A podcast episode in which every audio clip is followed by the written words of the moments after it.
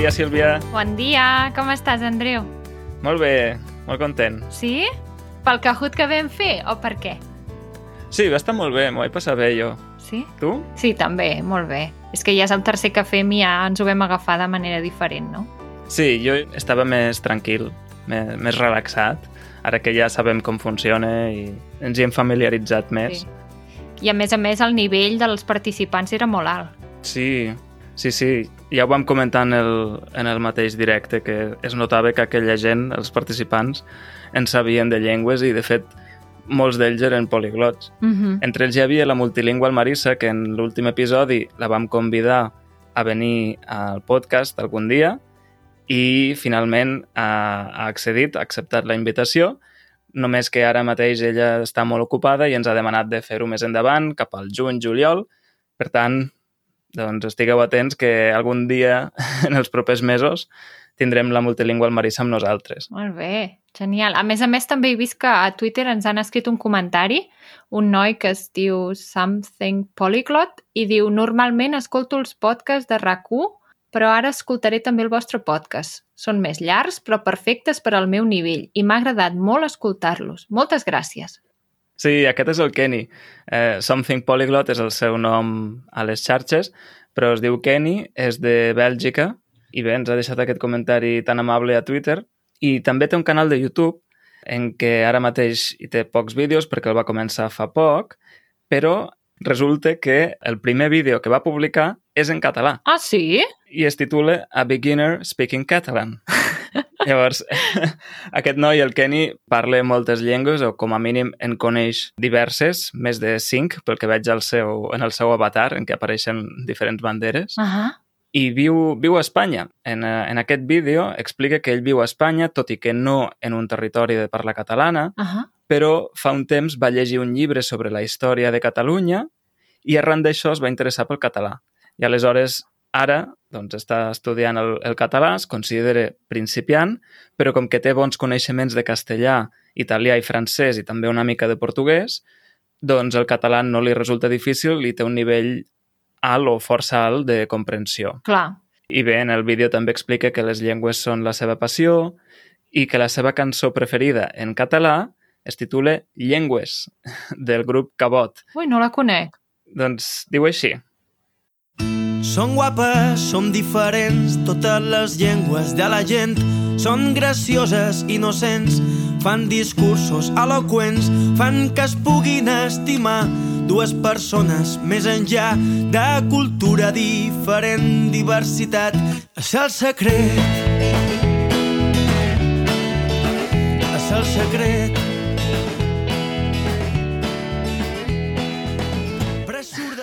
Doncs és maca, no? Sí, no l'havia sentit mai. Jo l'havia sentit una vegada, Ah, doncs jo no. però m'ha agradat això de fan que es puguin estimar dues persones més enllà de cultura diferent. Diversitat és el secret. Sí, tota la raó. Està molt bé. I parlant d'estimar, El tema del dia. la qüestió és que el mes passat, el dia 23, va ser Sant Jordi. Exacte, el 23 d'abril. El 23 d'abril és la Diada de Sant Jordi. I aquest és un dia molt especial uh, per als catalans i bé, segurament ho deveu haver vist per tot arreu, per les xarxes, publicacions de roses, de llibres, uh, felicitacions i bons desitjos per la Diada de Sant Jordi. I avui hem pensat que eh, valdria la pena explicar per què aquesta Diada, per què aquest dia és tan especial per a nosaltres, no? Exacte. Primer dir que Sant Jordi és el patró de Catalunya, juntament amb Montserrat, no? Mm -hmm. la Moreneta, i Sant Jordi el celebrem el 23 d'abril, normalment anant a passejar pels carrers i places dels pobles i, i ciutats, perquè hi han paradetes o parades de llibres i, i roses. De vegades també surten la canalla, els nens i nenes, a vendre les seves roses o, o llibres per poder finançar aquell viatge de final de curs o... eh que sí? Bueno, jo sí que hi havia anat. Tu no sé si hi havies anat a fer-ho. Jo no, perquè el, la meva escola no estava en, el, en cap nucli urbà Ah, i llavors no hi havia carrer Mhm. on vendre. ah, Però, però sí, sí, és molt típic, no? Sí. I, de fet, aquí, vivint aquí a Barcelona, eh, a cada cantonada pràcticament pots trobar una paradeta molt senzilla, que normalment és una taula i, i una cadira i, i un parell o tres de persones que et venen roses, no? Exacte. O llibres, també. Sí. Hi ha parades que, que són de llibres nous, però també n'hi ha que són de segona mà. Sí, Uh -huh. sí, sí. I bé, la qüestió és aquesta, que és un dia en què es regalen roses i llibres. I per què roses i per què llibres? Doncs perquè el 23 d'abril és el dia del llibre i també és el dia dels enamorats aquí, a, a Catalunya, i per tant doncs, la rosa com a símbol de l'amor i el llibre com a, com a símbol de, de la cultura, Uh -huh. i això fa que jo crec que aquests dos elements junts fan que sigui un dia tan, tan bonic no? i tan especial Exacte, sí. el fet de celebrar la cultura i de celebrar l'amor. I bé, aleshores hem d'explicar que tradicionalment les roses les regalaven le, els nois a les noies, els homes a les dones, i els llibres els regalaven les dones als homes. Això tradicionalment. Exacte. Actualment és bidireccional. Hi ha moltes variants, no sempre són roses, també pots regalar d'altres coses. Hmm. Sí, és, és molt diferent. Sí, al final el dia està centrat en el llibre, però suposo que la gent que no llegeix habitualment doncs, Mm. rep alguna altra cosa per Exacte. compensar, no? Jo ja Pot ser un dinar. Sí, o bombons. També he sentit uh, gent que li Sí. regalen bombons. Mhm.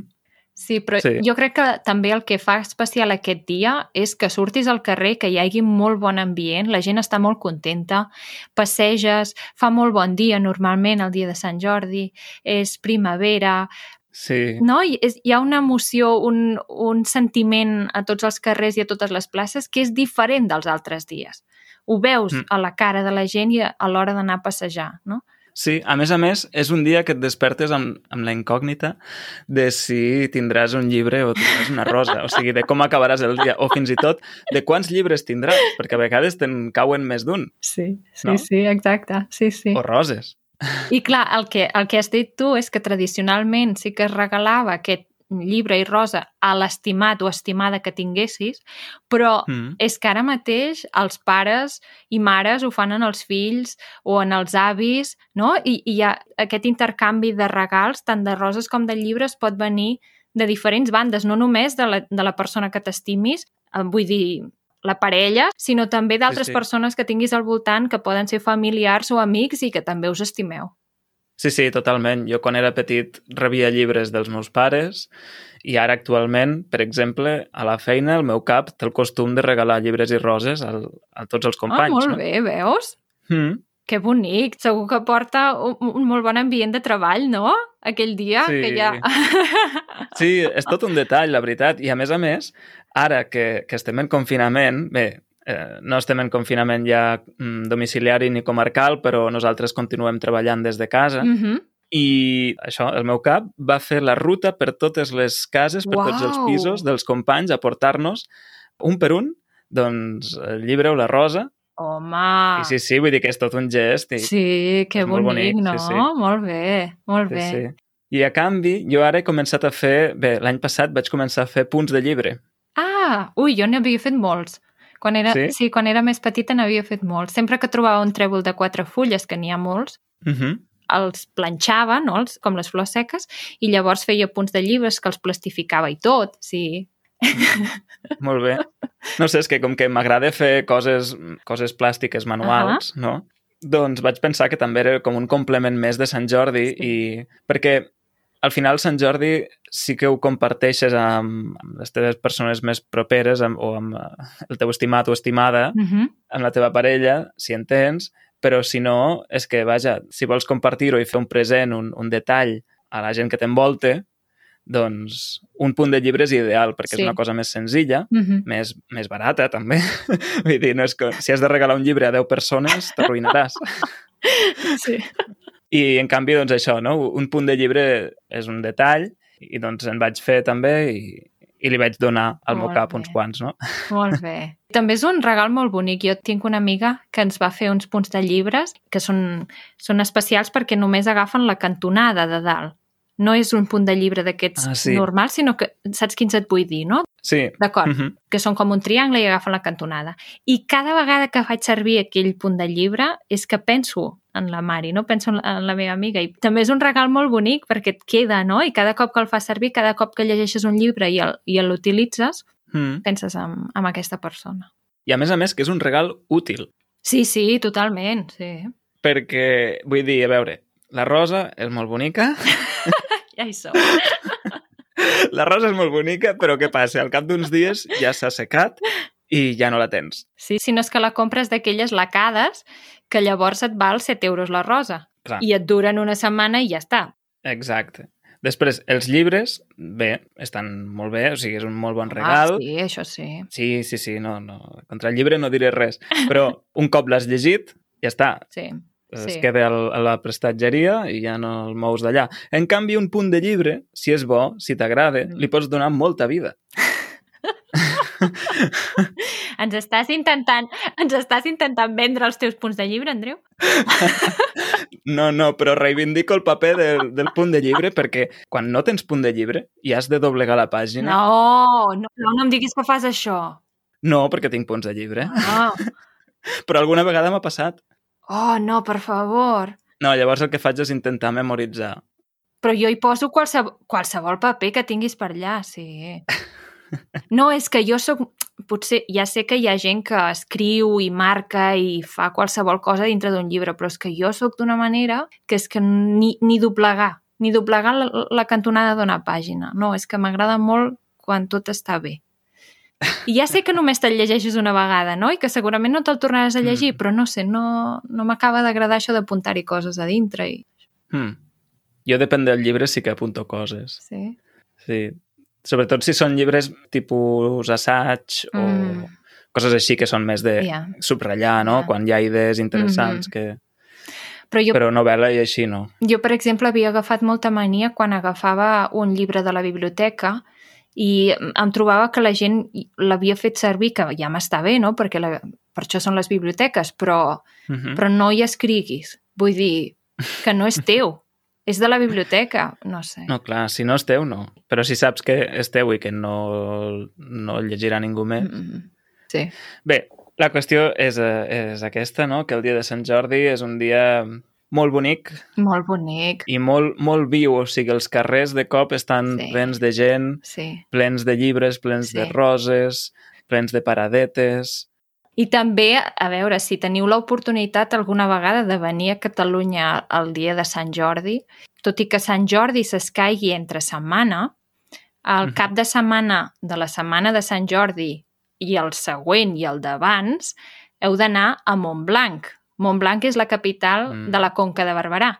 I és allà on diuen que va passar la llegenda de Sant Jordi. Llavors, Exacte. per conèixer tota la història de la llegenda s'ha d'anar a Montblanc i veure la representació que fan els veïns d'aquesta ciutat, d'aquest poble, representant tota la llegenda de, Sant, de Sant Jordi. Sí, tu sabries explicar aquesta llegenda breument, Sílvia? A veure... Perquè és la típica història que ens han llegit o hem llegit Uh -huh, diverses vegades quan som petits a l'escola, uh -huh. però després d'adult ja no la repasses tant i hi ha detalls que es van oblidant.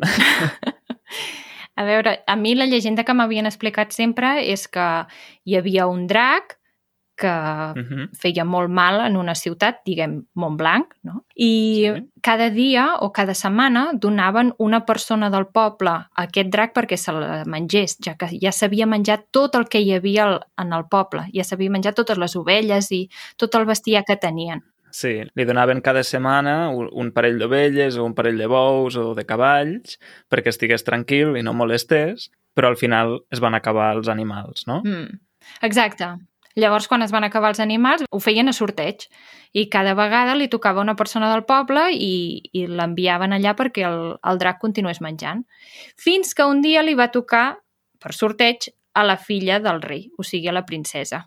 Sí, i la princesa, la, la princesa es va dirigir a la cova del drac, tota atemorida, i doncs el, el rei resignat perquè la seva filla havia de morir, Mm -hmm. i de cop va aparèixer el cavaller Sant Jordi. Exacte.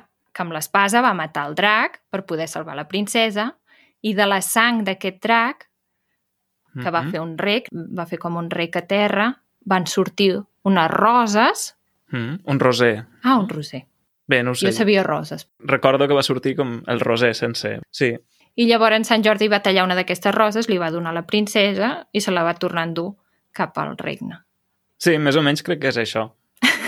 I, de fet, a Montblanc hi ha una muralla, és una ciutat medieval, i una de les portes de la muralla és la porta, el portal de Sant Jordi. És molt bonic, sí. Jo hi vaig anar de petit, ara fa molt que no hi vaig, Mm. però si hi aneu, doncs podeu fer la, la visita aquesta de la representació de la llegenda de Sant Jordi i també doncs, anar resseguint la, la muralla i veure el portal de Sant Jordi. Exacte. I una altra curiositat és que d'aquest dia en diem Diada. Sí, exacte. La diada de Sant Jordi. Segurament ho heu sentit o, o ho heu vist escrit, Diada de Sant Jordi. Feliç Diada de Sant Jordi, no? I per què en diem Diada i no dia? Quina és la diferència? Doncs, eh, segons el diccionari, una diada és un dia assenyalat, és a dir, un dia especial en què se celebra una festa grossa, no? Exacte. I, per tant, hi pot haver la diada de Sant Jordi, la diada de l'11 de setembre, Mm -hmm. no? Actualment, potser les dues diades que tenim més presents són Sant Jordi i l'11 de setembre, que és el Dia Nacional de Catalunya, no? Sí. I també també volia dir que el dia de Sant Jordi, el dia 23 d'abril, també, o sigui, és el dia del llibre perquè em sembla, ara això no sé si ho estic dient malament o no, però diria que va ser quan es va morir eh, diferents escriptors, pot ser? Sí, que coincidia la mort de Cervantes i Shakespeare. I el Pla, no? Josep Pla, també? Diria que sí. Ah, carai. Doncs això no, no ho sabia. Però sí que recordo que això ho vam mirar, Sílvia, ho vam mirar fa un temps, que sobre la mort de Shakespeare i, i Cervantes realment no van coincidir exactament el mateix dia perquè, eh, o sigui, es comptaven, es feien servir calendaris diferents, Ah, hi havia una qüestió relativa als Mhm. calendaris i realment no va ser el mateix dia. ah, ah interessant, veus? Això no ho sabia. Però sí, aquí doncs celebrem el Dia del Llibre dels Enamorats, la Diada de Sant Jordi, i en d'altres llocs celebren el, el Dia del Llibre, senzillament, Uh -huh. o el Dia de l'Espanyol, que fa, des de fa uns anys s'ha mm, decidit, es va decidir que el 23 d'abril seria també el Dia de l'Espanyol. Ah, sí, no ho sabia. Jo ho vaig descobrir justament aquest Sant Jordi, no ho sabia abans, Ah, però ho vaig descobrir perquè entrant a Google, uh -huh. el doodle del Google, saps que sí, és sí, temàtic, sí, sí, sí. i quan poses el cursor a sobre, Et diu. exacte, doncs deia Dia Internacional de la lletra ñ. Ah, veus? Ah, no ho sabia. Clar, però per mi va ser una cosa totalment... Uh, o sigui, com què m'estan explicant? Avui és Sant Jordi. Com vols que sigui el dia de la lletra ñ si és el dia de Sant Jordi? Però que curiós, no? La lletra ñ, amb tot el respecte cap al castellà, però vull dir, em deixa indiferent. Sant Jordi és un dia molt especial. Això hi ha qui diria que és una estratègia de contraprogramació cultural, però dir? ho deixarem aquí. No ho crec, no ho crec, perquè és que el Sant Jordi guanyarà segur. Vull dir, és que està guanyant ja. És que Home, no hi ha, no hi ha punt de comparació. és una tradició tan bonica que és que d'altres llocs que no ho celebraven ho estan celebrant. Vull dir, Clar. L'expressió de la setmana. Doncs relacionat amb el tema dels enamorats i de l'amor, avui hem triat una expressió que és estar boig. Estar boig per algú. estar boig per algú significa que estàs molt, molt, molt enamorat d'alguna persona. I estàs tan, Mhm. tan enamorat que estàs boig per ella. Sí, vol dir estimar profundament algú. I entès com un amor romàntic, Sí, diria. No? sí. Ara m'has fet pensar en lo... Potser és obsessiu, no? Vols dir? No ho sé. Sí. No, però bé, vol dir això, estar molt enamorat d'algú, estar profundament enamorat. I, de fet, hi ha una cançó molt coneguda, Eh, segur que la coneix qualsevol persona Sí. que parli català. Sí, sí, la, sí. la de conèixer, que és Boig per tu, Sí. de Sau. sí. L'ha cantat fins i tot la Shakira, vull dir, és internacional Sí. ja. Sí. Sí, sí, en va fer una versió. Mm, sí. T'agrada tu aquesta cançó? Sí. A mi no m'agrada, eh? No? Ja t'ho dic ara. Gens. Com és? No sé, jo crec que ja l'he avorrit de tants cops de sentir-la. Però llavors és una qüestió de que, que t'ha avorrit, que ja l'has sentit molts cops. Serà això. No, però jo no l'escolto normalment, perquè... No, però els que la posen a tot arreu. Fixa-t'hi, ja veuràs. Vols dir? Sí, sí, sí. Sí? Sí, sí, sí, la posen a tot arreu. Bé, no sé, és una cançó... Jo trobo que és una cançó molt bonica i... Bé, és una cançó que genera com molta tendresa, molt caliu, Mm -hmm. no? Sí.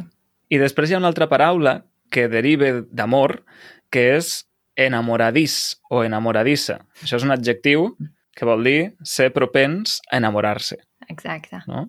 És un tret característic, no? Hi ha persones que són molt enamoradisses i que de seguida doncs, s'enamoren de les coses, dels llocs, de les persones. Sí, sempre es diu, no?, que una persona que és molt enamoradissa li trenquen el cor molt sovint.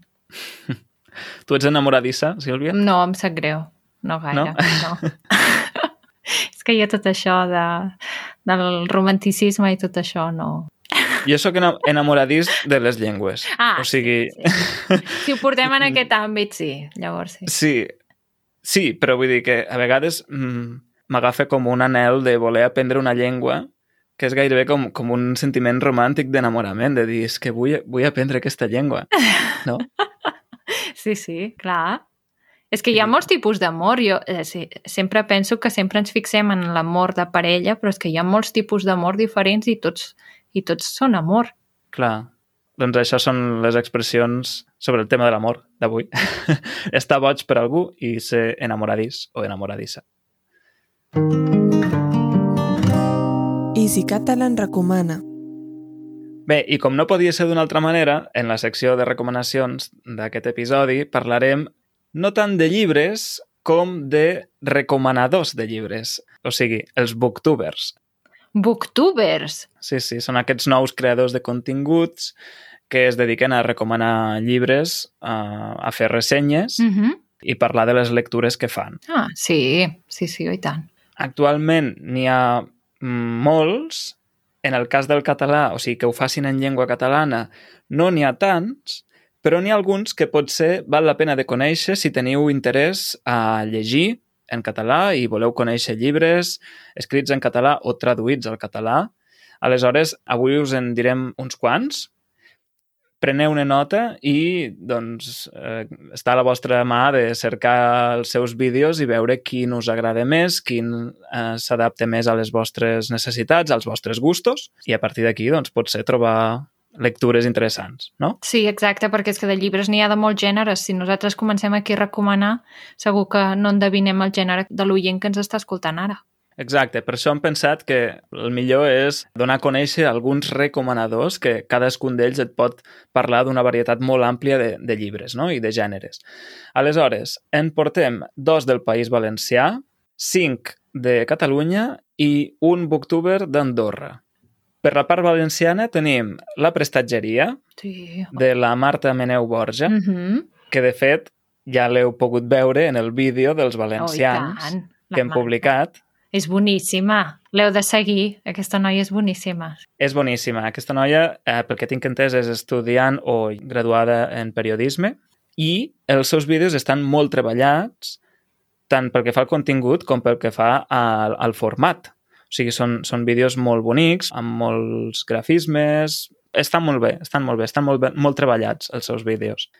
I bé, per un costat la prestatgeria i per l'altre el canal Llig-me. Llig és l'imperatiu en valencià del verb llegir i per tant llig-me és llegeix-me. Aquest canal el porta la Irene Rodrigo i doncs també us el recomanem perquè fa uns vídeos de molt bona qualitat.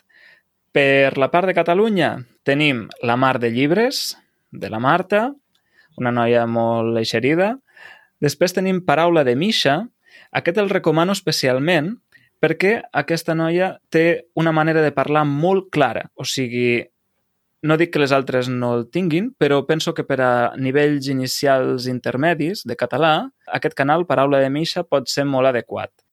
També, en aquest mateix sentit, el canal Traduint des de Calella, de l'Anna Rosic. Aquesta noia és traductora i a partir del confinament de la pandèmia va començar a fer vídeos parlant dels llibres que, que li agraden i fent recomanacions també. I igual que la Misha, té un estil molt clar i molt entenedor. Per tant, el recomano molt i molt. Si us agrada més un perfil més jove, més adolescent, teniu recomanacions de llibres de Marta Botet, que, si no m'equivoco, és la filla de l'actual presidenta del Parlament de Catalunya. Ah, sí? No ho sabia. Sí, sí, Marta Botet i Borràs. Ah, Sí, sí. Bé, de fet, la- l'actual presidenta del Parlament de Catalunya és, eh, és una dona de lletres. sí, sí, això Va ho ser sabia. presidenta de la Institució de Lletres Catalanes Mhm. i, i exconsellera de Cultura, no? I Mhm. bé, doncs la, Sí, sí. la seva filla també ha sortit per la part aquesta literària. Ah, molt bé, no ho sabia, veus? I per últim, hi ha la Juliana Canet, també amb un perfil més, mm, més adolescent, no? Mhm. per a un públic jove. Mm Jo segueixo els seus vídeos, em fa molta gràcia, m'agraden molt, però en comparació amb la Misha o l'Anna Rosic de Traduint des de Calella, la Juliana Canet parla molt ràpid, té un estil més, pot ser més difícil per als aprenents de nivells inicials intermitjos. -hmm. Però bé, de totes maneres, crec que val la pena conèixer-la perquè és, és tot un personatge, és una noia molt intensa, és molt enamoradissa. La Juliana és molt enamoradissa dels llibres, dels autors, dels universos que creen, de les persones en general, de la vida. O sigui, és una persona com molt entusiasta Ah, molt bé. i bé, et transmet també aquest entusiasme no? per la vida en general. També és molt d'obsessionar-se amb, amb els autors, amb els llibres, no? i quan li agafa per un autor, doncs se'n llegeix 10 llibres de cop, coses així. Bé, i per últim, hi ha un booktuber, fins ara tots els canals que us he dit eren de noies, i aquest últim és d'un noi que es diu Jan Arimany, és d'origen andorrà i té un canal en castellà i un altre en català. El seu canal en català es diu Entre Lletres, Entre Lletres, i vaja, també us el, el recomano perquè fa uns vídeos amb recomanacions molt treballades i val la pena també conèixer-lo. Tu en coneixies cap d'aquests, Sílvia?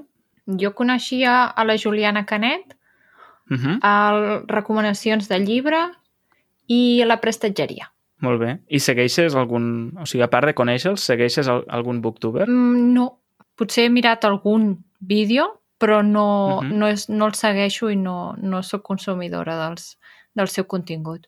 I llavors, tu com ho fas per descobrir nous llibres, estar al dia de novetats o, Sí. o obtenir recomanacions, no? Quins són els teus canals? Mm -hmm. Amb el Joan ens agraden molt els llibres i Mhm. anem molt sovint a llibreries. Molt, molt sovint.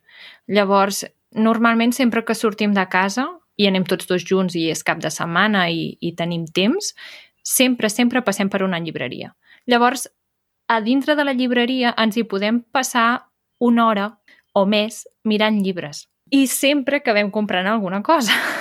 Per tant, en aquesta estona que ens hi passem a dintre, sempre mirem doncs, les seccions, ja, ja sabem allà on ens agrada, no? els llibres del gènere que ens agrada, mirem si hi ha alguna novetat no? d'algun llibre, algun autor que ens agradi, si hi ha alguna cosa nova, i fins i tot, si no ho veiem a les prestatgeries, també ho preguntem directament a la persona responsable d'aquella llibreria. Uh -huh. O sigui, a, a peu de llibreria, Exacte, sí. és el vostre mètode. Sí, Uh -huh. ens agrada molt. I som molt de, per exemple, no? si, si anem a Girona, doncs ja tenim la ruta de les llibreries i anem de llibreria en llibreria.